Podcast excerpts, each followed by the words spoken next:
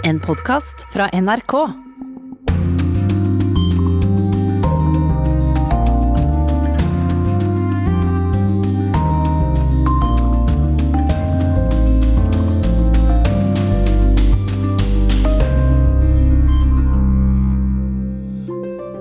Island innfører unntakstilstand pga. koronaviruset. Myndighetene i Frankrike frykter mange smittede fordi undersøkelser viser dårlig hygiene blant franskmenn. Mitt i koronaredselen viser en alldeles fersk undersøkelse at mange franskmenn er snuskige. F.eks. exempel 25 procent av mennene eller kvinnene tvättar ikke hendene alls efter toalettbesøk. Presidentene i Russland og Tyrkia ble enige om en våpenhvile i Syria, en enighet ingen synes å være fornøyd med. Presidentene Recep Tayyip Erdogan og Vladimir Putin er venner utenfor Syria. Men de står mot hverandre i den siste krigen om Idlib-provinsen. Redaktører og forfattere tar til orde for å endre USAs grunnlov for å styrke demokratiet. I Benin praktiseres voodoo ved siden av de tradisjonelle religionene, for ikke å glemme slavetiden. Voodoo-festivalen er for alle. Her er det både katolikker, protestanter og muslimer i dag, sier Da Aligono, som er konge i et område sør i Benin. Og i korrespondentbrevet skal vi høre at britene både drikker mest og er de mest overvektige i Europa. I serien Krig og fred skal vi høre mer om Afghanistan etter den oppsiktsvekkende fredsavtalen mellom USA og Taliban. Mitt navn er Dag Bredvei. Også denne uka starter Urix på lørdag med det mange rundt om i verden er opptatt av for tiden, koronaviruset. Vi skal snakke litt om status ute i verden denne lørdag formiddagen. Og velkommen i studio til deg, Halvard Sandberg, NRKs reporter på området. Takk for det. La oss starte i Europa. Vi hører nå at Island har erklært unntakstilstand, og hva skjer der nå? Det som skjer er at per fredag så var 43 smittet. Ikke så veldig dramatisk, fordi at de har hatt mange som har vært på skiferie da i Nord-Italia, og de har registrert alle de, og alle de er i karantene. Men det som skjedde da i går, var at de første som har blitt smittet på Island, ble oppdaget, og da giret Island om. For da betyr det at de har smittekjede i landet. Da har de ikke like stor grad av kontroll som de hadde før fredag. Og i forhold til folketallet så er det et høyt antall? Ja, det er et høyt antall, men det er ikke det hardest rammede i Europa. Hvis vi skal se det litt sidelengs, så er det Vatikanstaten med én smittet med 1000 innbyggere, så de leder. Italia er fortsatt det landet i Europa med flest smittede og døde, og hva er status der, Halvard? Status er at de har en voldsom økning i antall registrerte smittede, samtidig som de har en veldig veldig stor og utbredt kampanje for å fange opp smittede. Men det er Italia som er hardest presset. Det er der de verste historiene kommer om sykehus som er helt på bristepunktet, og der er det vanskelig nå. Vi skal snakke mer med deg, men først tar vi en avstikker til Paris. I Frankrike er myndighetene bekymret. En ny undersøkelse viser at franskmenn, og spesielt den mannlige utgaven, er elendige når det gjelder hygiene. Det er en farlig kombinasjon i disse tider. Det er nær 600 franske borgere som er smittet nå, ni er døde, og på boulevarden er Place d'Italie sør i Paris, der støter vår reporter på tre unge kvinner. Er dere flinke til å vaske hendene, spør Johan Tolgert. Bah, après manger ou après être sorti des toilettes Bah moi, euh... sorti des toilettes et après. Vi vaskar alltid händerna efter maten och efter toalettbesök, intygar gymnasieeleverna Ölis och Kimberley. Kompisen Grass hon tvättar dessutom händerna innan hon sätter sig vid matbordet. Men det är ovanligt i Frankrike. Quand, je rentre, quand je rentre de l'école et avant manger et les, et les toilettes. Ja, bara 50 procent av fransmännen tvättar händerna innan lunchen eller innan middagen. Mitt i coronarädslan visar en alldeles färsk undersökning att många fransmän är snuskiga. Till exempel 25 procent av männen eller kvinnorna tvättar inte händerna alls efter toalettbesök. Undersökningen är gjord av pålitliga Gallup-företaget IFOP och har presenterats av dagstidningen Le Parisien. I och med rädslan för coronaviruset går de franska hälsomyndigheterna nu ut med uppmaningar om att man ska tvätta händerna varannan timme. Information coronavirus. Lavez-vous très régulièrement les mains. Ceci est un message du ministère chargé de la santé. Fast att tvätta händerna varannan timme, det tycker de tre tjejerna här på en boulevard i södra Paris är på tok för ofta. Coronarädslan tycks inte få dem att förändra sina vanor. Bah, deux heures, c'est abusé. C'est- Je trouve que c'est trop abusé. Hein. Många parisare jag pratar med skäms dock över fransmännens dåliga hygien. Fast det finns de som är hyperhygieniska. Je me lave les mains, je suis obligé mais au moins toutes les 20 minutes. Toutes les 20 minutes Ah ouais, en cuisine je suis obligé, j'ai pas le choix. Jag tvättar händerna var tjugonde minut, säger Arthur. Och det beror på att han är kock på ett brasseri. Hygienen sviktar dock i yrken man minst anar. För när jag frågar kockens kompis Ryan om hans läkare tvättar sina händer innan patientbesök, ja då får jag ett överraskande svar. Franchement, c'est vrai, monsieur, vous me dites ça, j'ai un petit. Ah, ça me, ça me gratte un peu. Ouais, ça me gratte un peu. Non, c'est vrai, monsieur. Jag har nog aldrig sett min läkare tvätta händerna på mottagningen, svarar Ryan. Ja, I medierna bekräftas att franska läkare är dåliga på att tvätta händerna mellan varje patientbesök. Lite mer statistik. 27 procent av de franska männen byter inte boxer dagligen. Och 72 procent franska kvinnor de byter inte bh dagligen. Och hur många pensionärer som duschar regelbundet eller hur många som torkar av sin mobil som är en riktig bakteriefälla. Ah, jag ger inga fler siffror.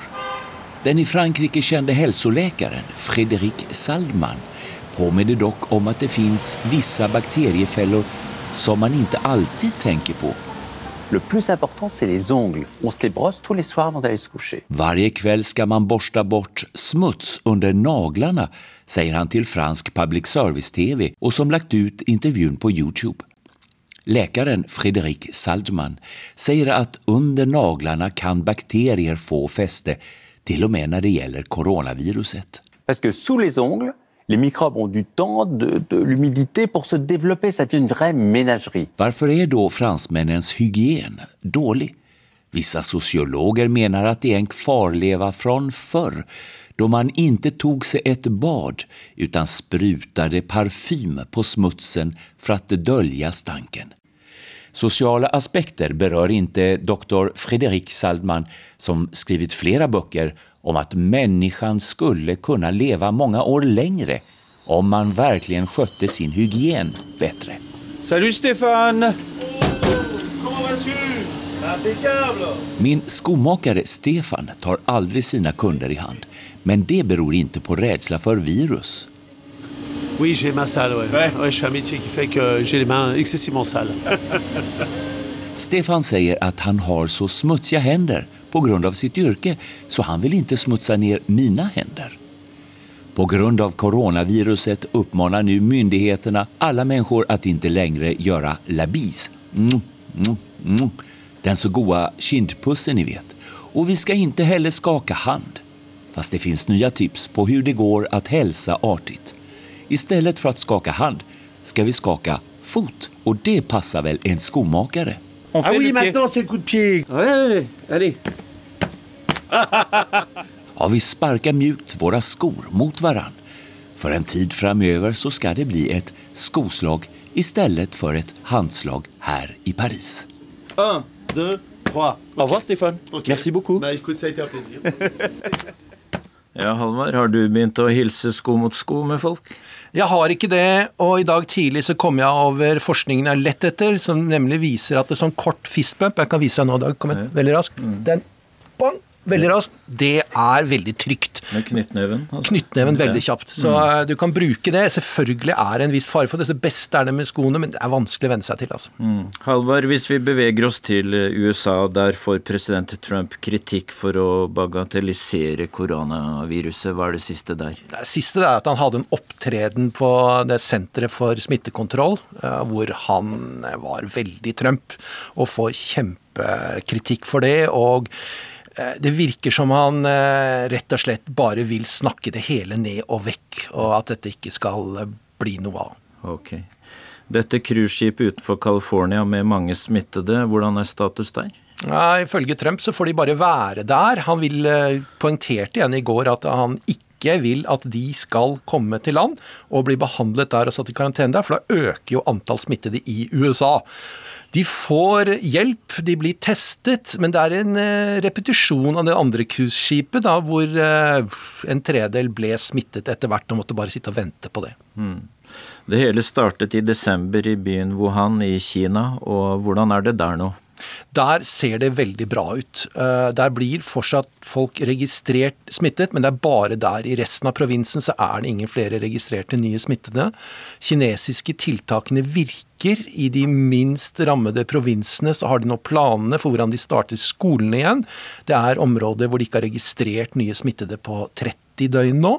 Slik at eh, kineserne slår seg litt på brystet og sier at dette fikset vi. De tiltakene vi satte i gang, harde, harde tiltak, men de har virket. Verdens helseorganisasjon kommer med stadig nye råd, og hva er det siste der? De peker på Kina og sier dette her er mulig å stoppe. Det, gå ikke inn i en fase eh, nå landet, alle landene, hvor dere bare aksepterer at dette kommer til å skje. At dere bare prøver å bremse det, for det går fortsatt an å stanse det. Det er hovedbudskapet til Verdens helseorganisasjon. Sør-Korea og Japan blir også land som blir nevnt nå, hvor, eh, som er i stor faresone. Har du en oppdatering der, Halvor? Altså, eh, Sør-Korea har jo igangsatt kanskje det mest eh, aggressive programmet for testing av folk som har verden har sett til nå. De har rullet ut et ekstremt stort testapparat, og det har blitt særdeles viktig politisk å få gjennomført testing av så mange hundre tusen som de gjør. Tusen takk for at du kom og oppdaterte om koronaviruset, Halvard Sandberg.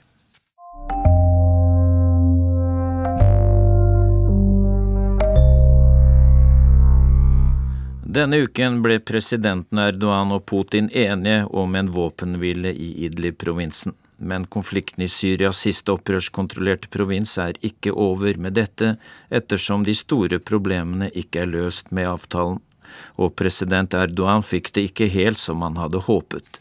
Istanbul-korrespondent Sissel Wold har sendt oss denne reportasjen. Bu gece saat 00.01 yani tam gece yarısı itibariyle ateşkes yürürlüğe Våpenhvilen vil begynne fra midnatt. Vårt mål er å forhindre at den humanitære krisen forverrer seg i regionen, så vi vil samarbeide for å gi hjelp til alle syrere som trenger det, sa president Recep Tayyip Erdogan på pressekonferansen med sin russiske kollega Vladimir Putin på torsdag. Etter et seks timers langt møte var de blitt enige om en våpenhvileavtale. På bildene så de to slitne og leie ut. Var bromansen over? Bryllupsreisen er over, men forholdet består, noterte en tyrkisk kommentator. Men forholdet dem imellom er ikke jevnbyrdig, og nå er Erdogan mest presset. For hjemme i Tyrkia er folk opprørte over det store tapet av tyrkiske soldatliv i Syria.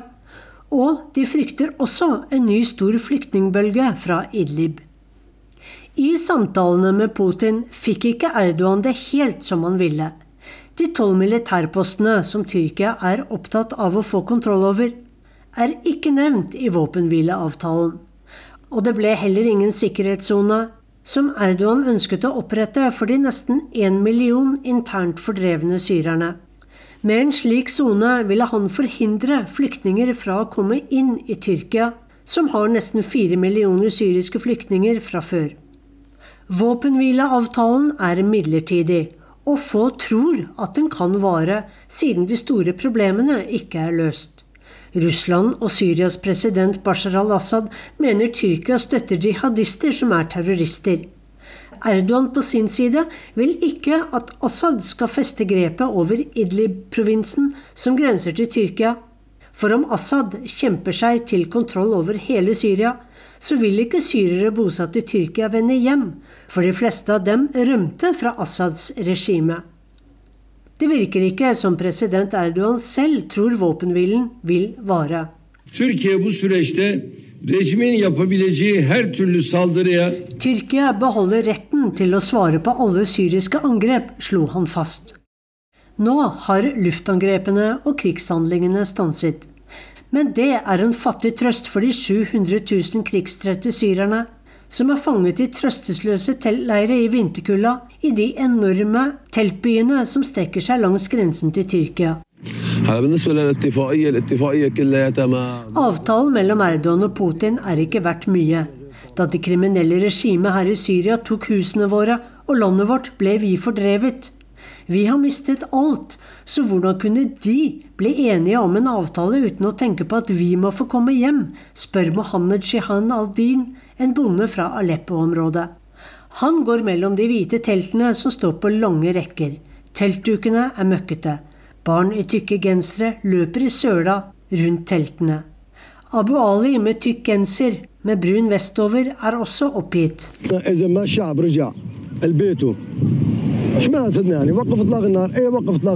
Om folk ikke får vende hjem, hva betyr en våpenhvile da?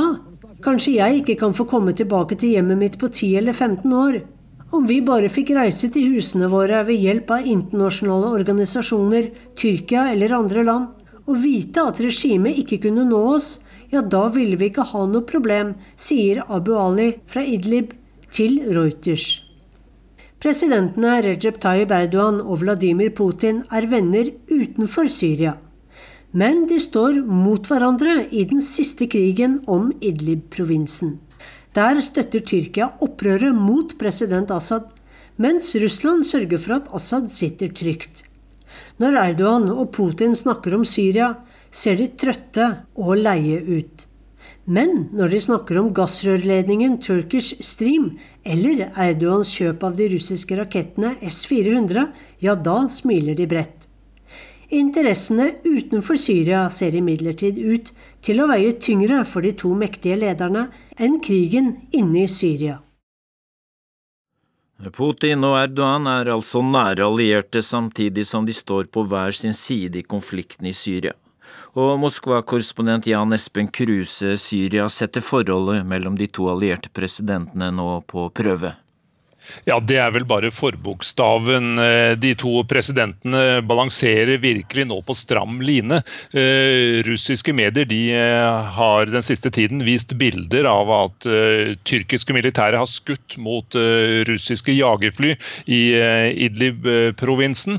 Og Det betyr jo at Tyrkia og Russland nesten, i hvert fall, er i nærheten av krigshandlinger. Så ingen av de to presidentene ønsker ønsker denne situasjonen, men situasjonen på bakken eh, kontrollerer de altså ikke fullt ut. Hvordan vil du beskrive forholdet mellom de to nå? Ja, det er jo et, et litt pussig forhold at eh, presidentene Putin og Erdogan har funnet hverandre. Eh, de er jo begge autoritære ledere som står for et autoritært system som blir stadig mer autoritært. Eh, men de finner altså sammen, de samarbeider på en rekke områder. Og de forstår hverandre tydeligvis som personligheter. Så, så, det er vel eh, noe av det viktigste. Men eh, de er jo veldig mot De bruker jo knallharde metoder mot den politiske opposisjonen i sine hjemland. Så de er jo ikke redd for å tråkke eh, verken tilhengere eller motstandere på tærne. Og de er knalltøffe i internasjonale forhandlinger. Erdogan er en hodepine for Nato, hvor Tyrkia er medlem, og Russland selger mye våpen og gass til Tyrkia. Og Erdogan han rir to hester nå, og det er vel i Putins interesse at han gjør det? Ja, det er det virkelig. President Putin han uh, syns jo alt som kan splitte splitte Nato-landene, alt som kan splitte EU eller de europeiske landene.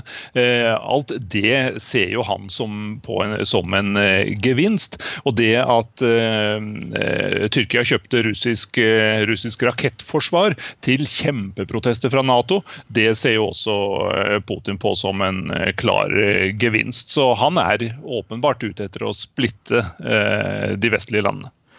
Amerikanske styrker er ute av Syria. President Assad sitter tryggere enn på mange år pga. russerne. Og hvordan ser russere flest på dette skiftet, at Russland nå har mye makt i regionen?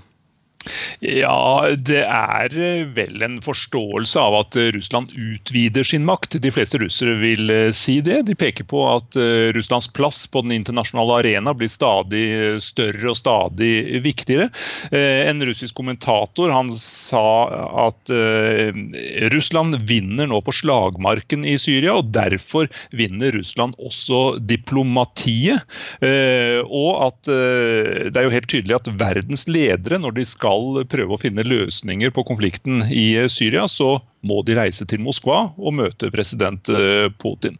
Så eh, i, i den russiske virkeligheten så eh, er Russlands makt og innflytelse i Midtøsten sterkt økende, og det er president Putin de takker for det. Takk til deg, Moskva-korrespondent Jan Espen Kruse. Ordet voodoo får det kanskje til å gå litt kaldt nedover ryggen hos mange. Det var afrikanske slaver som tok med seg tradisjonen til Sør- og Mellom-Amerika fra Vest-Afrika. Vår Afrika-korrespondent Ida Dalbakk har vært i voodoo-religionens vugge, Benin. Det er skumring, og dagens siste lysstråler skinner gjennom palmebladene utenfor et hvitt murhus i havnebyen Oida. En stor havfrue med blågrønn hale er malt på husveggen.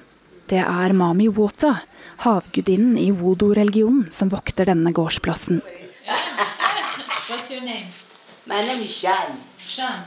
En kontordame ber oss vente på noen pinnestoler inne i huset. Viktige personer kommer sjelden presis i Afrika, og en halvtime etter avtalt tid dukker han endelig opp. Voodoo-presten trer inn i rommet iført flosshatt med fargerike paljetter og en grønn og gulmønstret kappe. Jeg heter Hans Majestet Dada Dagbo Hono Hona. De kaller meg også høyeste spirituelle leder eller havets konge. Han setter seg på en slags tronstol med utskjæringer i tre og kongeblå puter. Ved føttene ligger et skjeletthode fra en elefant, mens utstoppede flaggermus og tørre planter henger fra taket. På gulvet ligger små trefigurer, dyrebein og skjell. Presten mener vestlige filmer har skapt et bilde av voodoo som svart trolldom og hekseri som ikke stemmer med virkeligheten.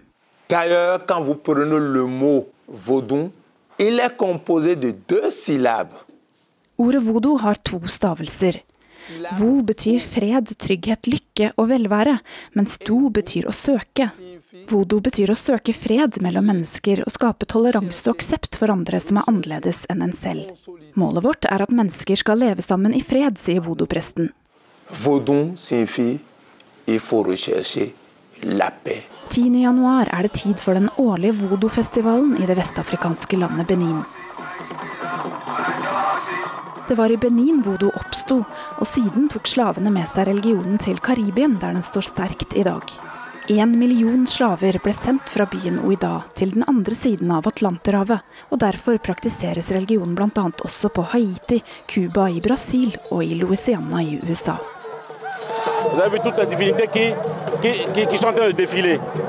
I gatene kan du se de fire guddommeligheter som representerer elementene. Det er luft, ild, vann og jord, sier talsmann for regjeringen i Benin, Alexandre Hotondi. I Oida ser man figurer av vodoguder utenfor kirker og moskeer. Rundt 80% av landets innbyggere tror på vodo, samtidig som de også tilhører andre trosretninger. Vodofestivalen er for alle, her er det både katolikker, protestanter og muslimer i dag, sier Da Aligono, som er konge i et område sør i Benin. Det tordner utenfor vodoprestens mottagelsesrom. Han har snakket ustanselig uten at vi har fått lov å avbryte, men nå er vår tid med Hans Majestet snart over. Før han avslutter, sier han at det er viktig å minnes tradisjonene til dem som ble sendt som slaver til Amerika og Karibien. La fête de 10 janvier, la fête nationale du Vaudon, en principe est dédiée à toute la diaspora noire. Ved å feire voodoo så minnes vi de som ble solgt som slaver og sendt til Amerika. Slavene fortsatte å praktisere voodoo-religionen og be til sine forfedre. Selv om det var forbudt, gjorde de det i smug. Ved at vi holder troen ved like, kan mennesker på begge sider av Atlanteren føle på samholdet og styrke troen sin, sier presten. Han reiser seg og følger oss ut døra. Før vi sier farvel, spør vi om vi får komme inn i tempelet hans, som står på den andre siden av plassen. Han rynker pannen under paljetthatten og svarer at nei, i det hellige rommet får bare voodoo-tilhengere komme inn. Så forsvinner han inn døra til tempelet for å be dagens siste bønn til voodoo-gudene. Det amerikanske samfunnet er blitt mer og mer polarisert de senere årene. Det er kommet to bøker i USA nylig som beskriver og analyserer dette. Forfatterne mener at USAs demokrati ville bli styrket ved å gjøre grunnlovsendringer. Reporter Øystein Heggen vet mer om disse bøkene. Amerikansk politikk har blitt mer og mer preget av skyttergravskrig. Avstemningen om riksrett mot Donald Trump i Senatet gikk nesten helt etter partilinjene, bortsett fra republikaneren Mitt Romney, som stemte for riksrett. I boka Why We Are Polarized analyserer journalisten og kommentatoren Ezra Klein det amerikanske partisystemet. Han er en av grunnleggerne av nettstedet Vox. I USA stemmer få mennesker for noe, de stemmer mot noe, skriver Klein, som analyserer hvordan amerikanske velgere ser samfunnet gjennom helt ulike linser. Det politiske systemet oppfattes ikke lenger som legitimt, skriver han. We need something that would feel legitimate to both sides and would actually work. We can't stay right where we are. So that means the answer is simple. We must move. Vi må gjøre noe, men slik at det kan godtas av både demokrater og republikanere, sier Ezra Klein i dette kuttet fra Vox. Han peker på valgsystemet To presidenter i nyere tid vant selv om de ikke hadde flertall av velgerne bak seg, George Bush i år 2000 og Donald Trump i 2016. Om lag 630 000 innbyggere i staten Vermont har to senatorer, like mange som staten New York, med nærmere 20 millioner mennesker. Og det er en stor fordel for republikanerne, som er mer tallrike i grisgrendte stater. Klein peker på muligheten for flere senatskretser, slik at for eksempel California kan deles i sju og få 14 senatorer, ikke to. Grunnlovsendringer må til for å styrke demokratiet, mener Klein, men forteller at politikerne i Kongressen var mer villige til å endre Grunnloven tidligere enn de er nå. Så boka Antisocial av Andrew Marantz, som jobber i tidsskriftet The New Yorker. Han har dykket ned i de ytterliggående høyreaktivistenes subkultur på nettet. Marantz har besøkt dem hjemme, snakket med personer som brutaliserer debatten på nettet, og dermed også samfunnet, mener forfatteren. Facts do not drive conversation online. What drives conversation online is emotion. And if you want your content to get engagement, it has to spark emotion. For dem er det ikke fakta, men følelser som gjelder. Skal du få oppmerksomhet, må du utløse følelser, sier Morantz til det amerikanske nettstedet TED. Han har møtt alt fra nettanarkister til nynazister. Nettrollene har laget en smart felle for oss, står det i boka Antisocial. Ved å svare på deres provokasjoner forsterker vi deres budskap. Hvis vi ikke yter motstand, kan nettrollene komme til å regjere hele internett, kanskje hele verden. Det er tid for å åpne ukens korrespondentbrev. Britene både drikker mest og er de mest overvektige i Europa. Det forteller London-korrespondent Øyvind Nyborg. Jeg er glad i å svømme, noe jeg prøver å få til så ofte jeg kan på et lokalt treningssenter her i London, innimellom den travle jobben som korrespondent for NRK. Vanligvis har jeg bassenget nesten for meg selv, men etter jul har det vært stappfullt av folk som vil bli kvitt noen ekstra kilo, etter uker med fråtsing i gode middager og Christmas puddings. Det topper seg på onsdager. Da dukker det opp en horde damer på vanngymnastikk og opptar det meste av bassenget. De er alle litt opp i åra og av typen som går forsiktig ut i vannet uten å hvete håret. Gammel kontorsvette blander seg med billig parfyme. Sammen med klorvannet skaper det en litt spesiell suppe for mine svømmetak. Men litt må man vel da tåle i en svømmehall, og vanntreningsdamene og jeg har jo samme mål, nemlig kontroll med vekta. En veltrent kjekkas roper ut instruksjoner om strekk og bøy og tøy og hopp og sprett, mens dunk-dunk-musikken dundrer ut i svømmehallen. Britene er nå de mest overvektige i Europa. Tallet på overvektige har doblet seg til 13 millioner de siste 20 årene. Snaue 4 millioner har utviklet diabetes type 2. Mange trenger medisiner, som det for øvrig kan bli en stor mangel på dersom de pågående brexit-forhandlingene skulle gå i stå. Vi som kommer fra matpakkelandet Norge, kan ikke unngå å legge merke til britenes noe annerledes lunsjvaner. Et stykke slapp, hvit loff skåret i trekant med majones, ost og skinke, en sjokoladebit, kjeks og potetgull er helt vanlige lunsjpakker til skolebarna her på de britiske øyer. Etter skoletid bærer det rett i aviskiosken med penger som brenner i lomma. Hylla med små potetgullposer med salt and vinegar og andre litt mer uvante smaker er uten unntak den største og lengste i butikken. Men matvanene slår ut på statistikkene. Ett av fire barn i alderen 10 til 11 år er overvektige i Storbritannia nå, og det snakkes om en krise. Det er slankeprogrammer på TV, og eksperter kommer med gode råd til foreldrene. Britene har snacktime, og rådet er å kutte fra fem til tre snacks om dagen. Tre sjokolader eller kjeks er tross alt bedre enn fem. Like ved her jeg bor står skolebarna i kø utenfor fish and chips-sjappa hver eneste dag etter skoletid. De fleste bydeler har en hel jungel av fastfood-sjapper, og særlig KFC-kopier med navn du aldri har hørt om. Du får lett et par kyllingklubber og en boks tynne, lyse chips til tilsvarende 25 norske kroner. I et land hvor seks til ni millioner mennesker bor i familier der far eller mor tjener kun 70 til 80 kroner timen, så er kylling og chips med ketsjup på en grei og billig løsning. For å bøte på dette har mange offentlige skoler nå innført egne frokostklubber for barna fra de minst privilegerte familiene. For en del barn er det de får der, det eneste sunne måltidet i løpet av en dag. Lavtlønte folk i gamle industribyer i Nord- og Midt-England var i skuddet som aldri før under valgkampen før jul. Det var der slaget skulle stå, og jeg reiste rundt og møtte velgere for å lage reportasjer til NRK. For en nordmann fra et oljesmurt land der forskjellen på direktør og arbeider stort sett ikke er all verden, blir man slått av det som må kunne kalles ren fattigdom. Folk jeg møter, er gustne i huden, og av dem som har tenner, så er mange synlige brune. Kjøpesentre i småbyene ligner mest på loppemarked, med salg av nips og billige joggedresser og jakker. Kontrasten til for eksempel vestkanten i London, der folk er tynne, og iallfall på overflaten vellykkede, er enorm. Arbeiderpartiets løsninger hadde folk mistet troen på. Boris Johnsons budskap om å få gjennomført brexit koste hva det koste vil, gikk rett hjem, og han gjorde et brakvalg. Alt kom til å bli så mye bedre, bare de kom seg ut av EU, sa folk. Men nå er valgkampen over. Boris Johnson sitter trygt i statsministerstolen sin. Han skal gifte seg og få barn med den 31 år gamle kjæresten sin, Carrie Simons.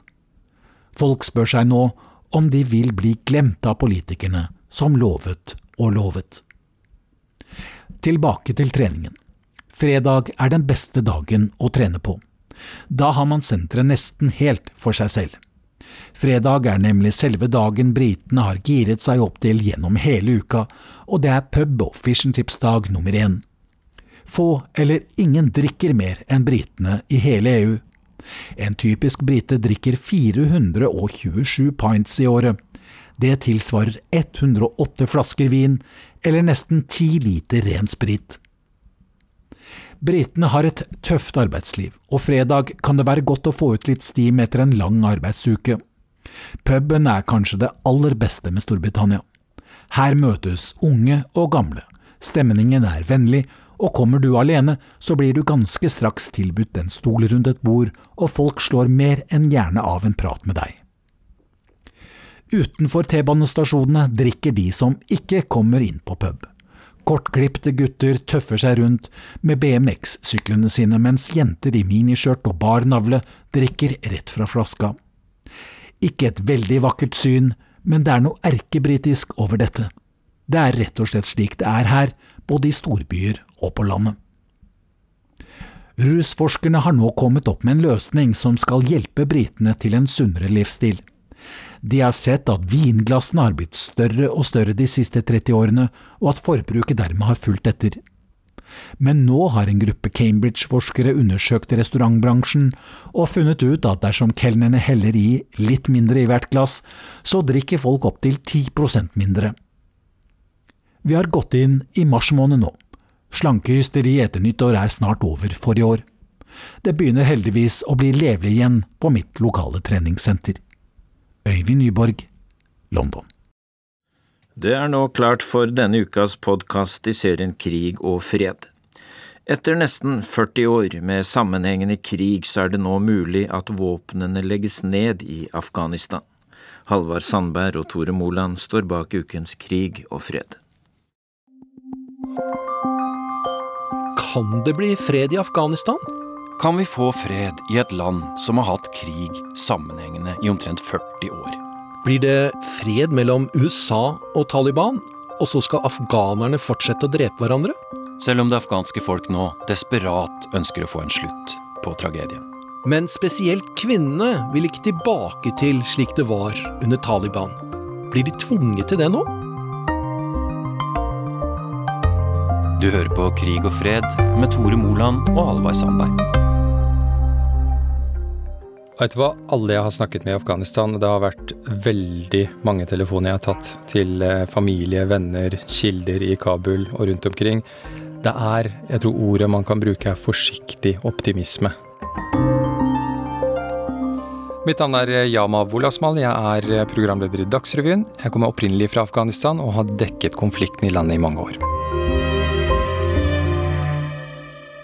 Jeg møtte deg i Afghanistan i 2007.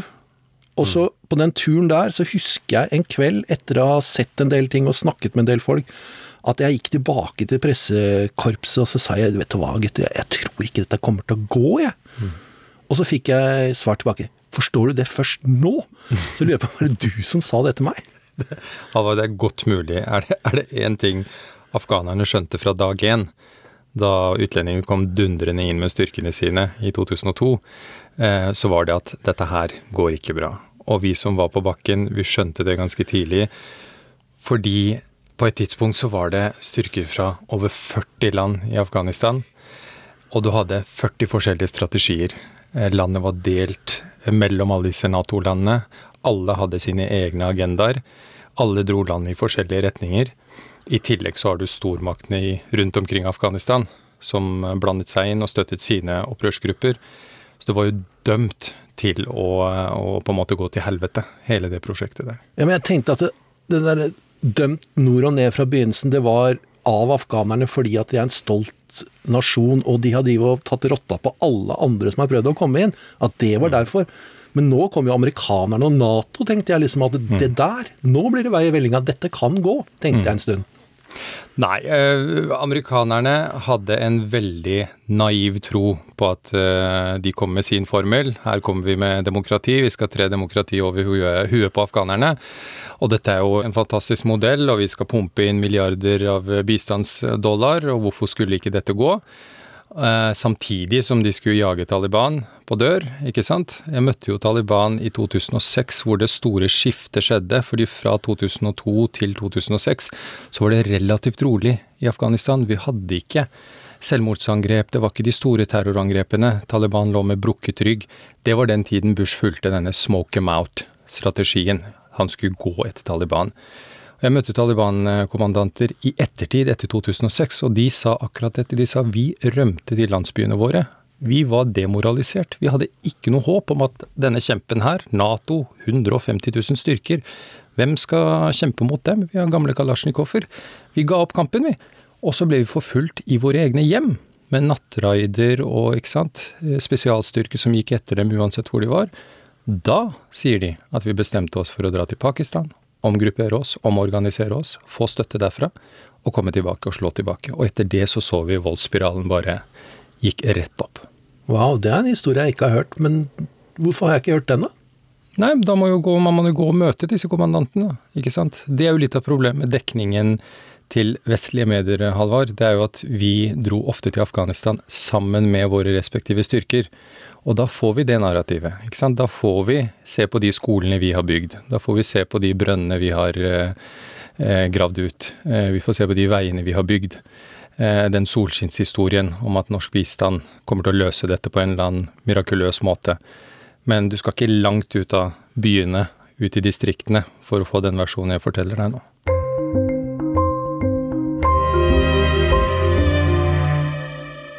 Tore, hva er det som sitter igjen fra Afghanistan-dekningen din? Personlig har jeg ett sterkt minne på netthinna. Kjører et norsk pansra kjøretøy gjennom Kabul, stikker huet opp av takluka. Guttunge på tre-fire år som eh, hilser til lua og blir rett i ryggen. Og tenkte dette er et rimelig krigsvant og gjennommilitarisert samfunn. Ja, det er det inntrykket jeg fikk også. Det, kanskje det kraftigste enkelgreia mi er fra Maimane i 2007. Jeg så bilen som Kristoffer Sørli Jørgensen kjørte i da han ble drept av en veibombe. Og det, der hvor han hadde sittet, så var det bare svært hull. Og samtidig fikk jeg høre historien om kameraten hans Kenneth Lysell, som kjørte i bilen bak. Den kvelden der så gikk det opp eh, et lys for meg. Et litt mørkt lys? Ja, virkelig. Et sånt dunkelt, fælt lys. Det er jo et enormt komplekst uh, situasjon å håndtere, så det, det merket vi også, uh, for så vidt. At det er, uh, det er ikke akkurat den enkleste konflikten. Jeg heter Kenneth Lysell, jobber i Forsvaret. Tjenestegjorde to perioder i Afghanistan i 2007 og 2008. Er det vanskelig å snakke om den opplevelsen i 2007, eller? Nei, det går egentlig greit nå. Jeg har eh, prata ganske mye om den hendelsen, så det, det er ikke så unormalt lenger. Nå har altså Taliban og USA og andre blitt enige om at nå skal det bli fred i Afghanistan. Du som tidligere stridende i Afghanistan, eh, er det dette du kjempet for? Ja, altså For min del da, så, eh, så er jo det kalde svaret at man, man, på en måte når, som, når man har tatt på seg uniformen og valgt yrke som soldat, så drar man dit, uh, dit som politikerne sender oss. Uh, og det er, det er Sånn, sånn syns jeg det skal være. Men det er klart at det, på det personlige plan så har jeg fått en dyp respekt for det afghanske folket. og Det var enormt givende å være der i forhold til å, å bidra med de tingene. og Jeg ser jo også det at vi har gjort en forskjell men eh, sånn som det er nå, i forhold til at Taliban nå innleder en fredsavtale, så skal det også sies at eh, jeg, jeg tror det hadde vært vanskelig å, å få til fred i Afghanistan uten å involvere Taliban som en stor aktør. Eh, så det tror jeg er helt nødvendig for å komme inn. Og så er det jo selvfølgelig slik at vi, vi dro inn i Afghanistan i starten for å styrte Taliban-regimet. Så nå er det jo viktig at de kommer tilbake med en avtale som gjør at vi kan, kan se at det blir bedre også på det menneskerettighetene også. Så du føler ikke at eh, dere var der og sloss og blødde og sleit forgjeves, i og med at Taliban nå ikke er nedkjempet og kanskje skal ha makten? Nei, det vil jeg ikke si. Altså, for jeg føler at Man har bidratt til, eh, til, ekstremt mye i forhold til å bygge opp samfunnet. Og så gjenstår det selvfølgelig ekstremt mye. Men jeg tror det var uh, utopi å tro at vi skulle ha et vestlig demokrati i Afghanistan. Det tror jeg var vanskelig å få til helt fra starten i forhold til historien med stammer osv. Som, som er, eh, er såpass inngrodd der. Sånn at det var nok en utfordring som jeg tror de fleste så allerede i starten at var, var vanskelig. Eh, målet var jo på en måte å få, få til at det ble en stabilitet for videre vekst i Afghanistan, og ikke minst en, at vi skulle forhindre at det ble en friplass for terrorister. Og Det tror jeg man har lykkes mer eller mindre med. Men så er det klart det gjenstår ekstremt mye, og det er nok et, et land som, som, trenger fortsatt eh, internasjonal oppmerksomhet i årene som kommer. Det tror jeg er helt klart. Du leder en organisasjon som heter Veteran møter veteran. Tror du de andre veteranene som møter deg, har samme innstilling til dette som deg? Ja, Det tror jeg er eh, forskjellig. Jeg tror det er eh, mange ulike meninger uh, om det.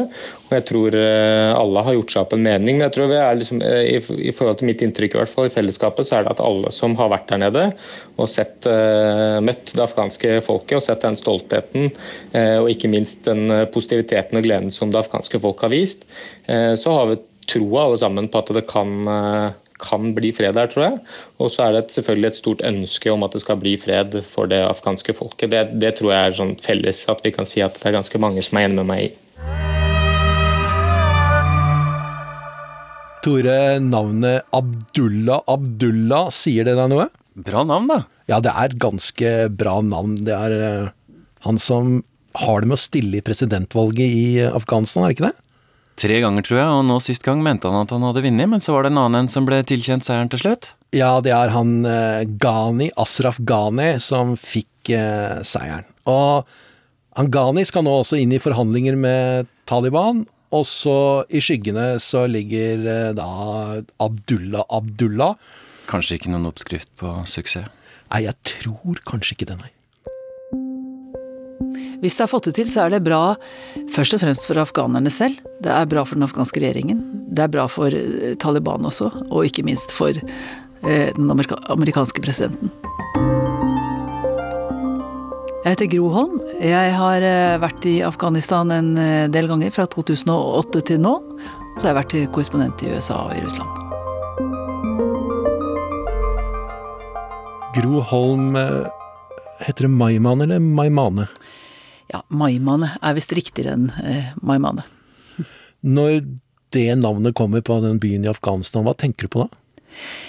Jeg tenker på da jeg var der i fjor, for ett år siden, temmelig nøyaktig. Eh, det var jo da en by som var helt eh, omringet av Taliban-kontrollerte områder. Fantes ikke kommersielle flyvninger inn dit. Jeg fløy inn med det afghanske forsvaret. Den basen som de norske soldatene var på inntil de forlot, eh, forlot den for noen år siden, den var nå helt overtatt av den afghanske hæren. Og hver gang de dro utenfor bygrensa, så å si, så ble de angrepet av Taliban. Men nå skal det bli fred? Nå skal det bli fred. Håper, eh, i hvert fall amerikanerne, i hvert fall Trump. Dette er Altså, for det første, Taliban er jo et mangehodet troll. Altså, selv om ledelsen i Taliban eh, sitter i Doha og skriver under på en avtale med amerikanerne, så er det ikke sikkert at eh, alle taliber rundt omkring i landet mener at det er sånn det skal være. Så de har jo en jobb, Taliban, bare det å overbevise sine egne om at dette lønner seg.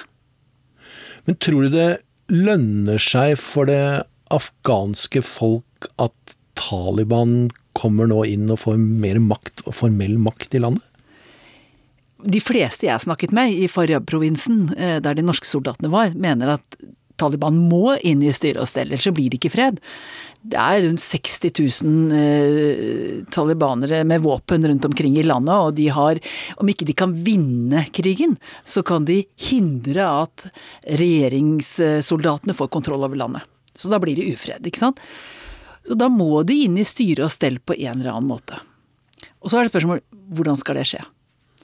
Eh, det er så mange ting som må skje før man begynner å snakke om f.eks. frie valg. Eksempel.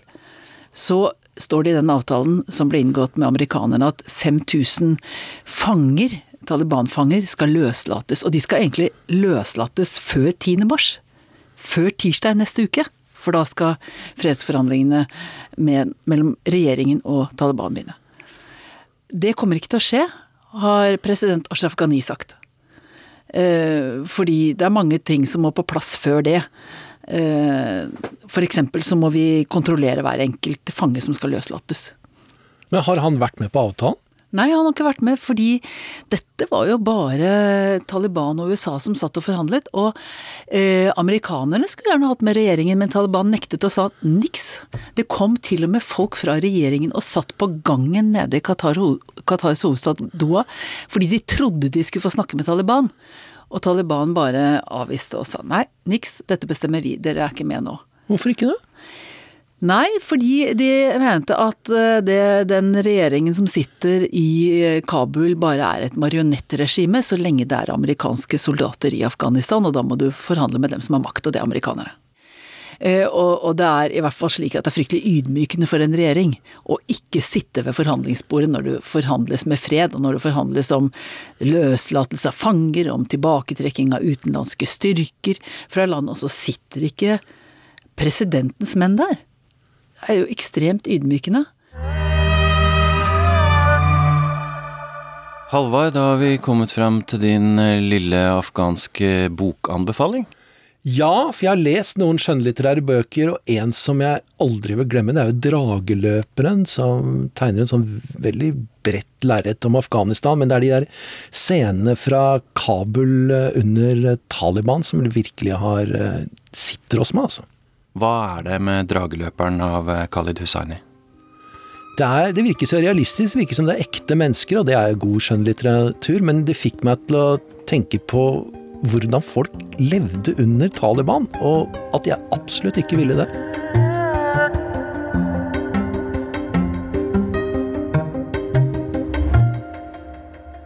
Yama, jeg har ikke med noen eh, afghanske kvinner eh, nå det gikk ikke. Men du har snakket med ganske mange kvinner i, den, i de senere dagene. Hva sier de? Vet du, de er, eh, Afghanske kvinner er de som har eh, mest grunn til å være nervøse for den prosessen som Afghanistan står overfor, med dialog mellom Taliban og afghanske regime eller andre politiske partier om veien videre. De er de som har de vondeste minnene fra Taliban. Da vi var der i 1997, så husker jeg hvordan kvinner ble fengslet i sine egne hjem. Eh, de fikk sjelden gå utenfor husene sine, og hvis de gjorde det, så måtte de være pakket inn i burkaer i følge med et mannlig familiemedlem. Hvis ikke så hadde de ikke lov til å gå. Så de levde jo under et terrorvelde, og det husker afghanske kvinner veldig godt. Eh, og Derfor har de all grunn til å være nervøse for hva som skal skje videre. Men når det er sagt, så sier jo Taliban nå de rette tingene. De sier at kvinner skal selvfølgelig få lov til å ta utdanning. De skal selvfølgelig eh, jobbe. De skal selvfølgelig ta del i samfunnet. De skal være med på å styre landet. Alt dette sier de eksplisitt. Tvers igjennom. Alle lederne har sagt det. Og det gir grunn til å være optimistisk for kvinnene. Men man er likevel nervøs. Ja, fordi dette er noe Taliban kan si for å få den signaturen på papiret og aksept rundt omkring, og så ha, nei, det mente vi i hvert fall ikke. Det går jo ikke an. Det er jo godt mulig at de går tilbake på det, men jeg ser Jeg har sett gjennom så mange intervjuer med disse Taliban-lederne i det siste, og det er en sånn gjennomgangstone fra de moderate til de i midten til eh, de mest ekstreme elementene. Dette kvinneargumentet har de skjønt at skal de noen vei med forhandlinger med vestlige land, som USA, så må dette med kvinner på plass. Tror du på det? Vet du hva, som som afghaner i dette tilfellet, så klamrer jeg meg til det håpet man har fått om en fred etter 40 år. Alvar, jeg er 40 år gammel. Så lenge jeg har levd, så har det vært krig i dette landet. Vi har ikke hatt en, et pusterom. Eh, så jeg velger å være optimist. Jeg sier at Taliban er konsekvente i budskapet sitt om at de er genuine, de ønsker forandring. De sier det ikke med ord, men ut ifra det de kommuniserer, så virker det som de angrer på måten de styrte landet på sist. De bortforklarer det med hundre forskjellige unnskyldninger, men de tonene vi hører fra Taliban-lederne i dag, er noe helt annet enn det vi hørte på 90-tallet, og det vi så eh, de gjorde i praksis. Tore, amerikanske helikoptre og ambassade, hva sier det deg? Da er det vel vanskelig å ikke ikke tenke på Saigon 1975 og slutten på Vietnamkrigen, når de siste amerikanerne ble henta ut av helikopteret helikoptre i nokså kaotiske tilstander? To år i forveien, mener jeg, 1973, så hadde de inngått en avtale som da skulle sikre Sør-Vietnam. Og så tok Nord-Vietnam etter hvert og bare rullet over dem. Men hvorfor bringer du opp dette nå, Halvard? Kanskje vi ser noe samme nå?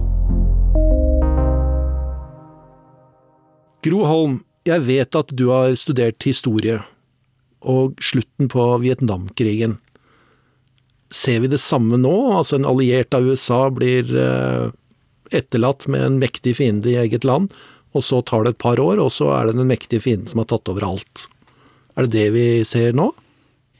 Jeg er i hvert fall sikker på at eh, Trump-administrasjonen de ønsker seg ut, selv om det ikke skulle komme til noen eh, god avtale mellom regjeringen i Afghanistan og Taliban. Det har eh, amerikanske politikere gitt uttrykk for. Vi vil ut eh, uansett. Eh, så er det spørsmål, det kan komme en annen president i Det hvite hus. Da kan vi få en annen politikk. Da kan det hende at de, hvis det blir for blodig og for ille og for mange angrep, at man bestemmer seg for å bli med noen tusen allikevel. Eller så kan det, så kan det bli så stygt i Afghanistan at uh, Trump føler at uh, han må gjøre noe, må si at vi uh, holder noen tusen der til det er slutt. Med stygt så mener du at Taliban stormer inn i, mot Kabul, ja. sentrum av Kabul? Angrep som rammer amerikanske soldater i Kabul eller utenfor. Ikke det at Taliban med makt tar over landet? Det tror jeg ikke de klarer. De er ikke sterke nok til det. De er sterke nok til å hindre regjeringen å få kontroll, selv med amerikansk hjelp. Men de er ikke sterke nok til å kontrollere hele landet militært. Hvis den afghanske hæren uten vennene sine fra USA bare legger ned våpnene? Det kommer de ikke til å gjøre. De er også afghanere, akkurat som Taliban. Du har hørt Krig og fred fra NRK Urix. Lydregien var ved Hans Ole Hummelvold.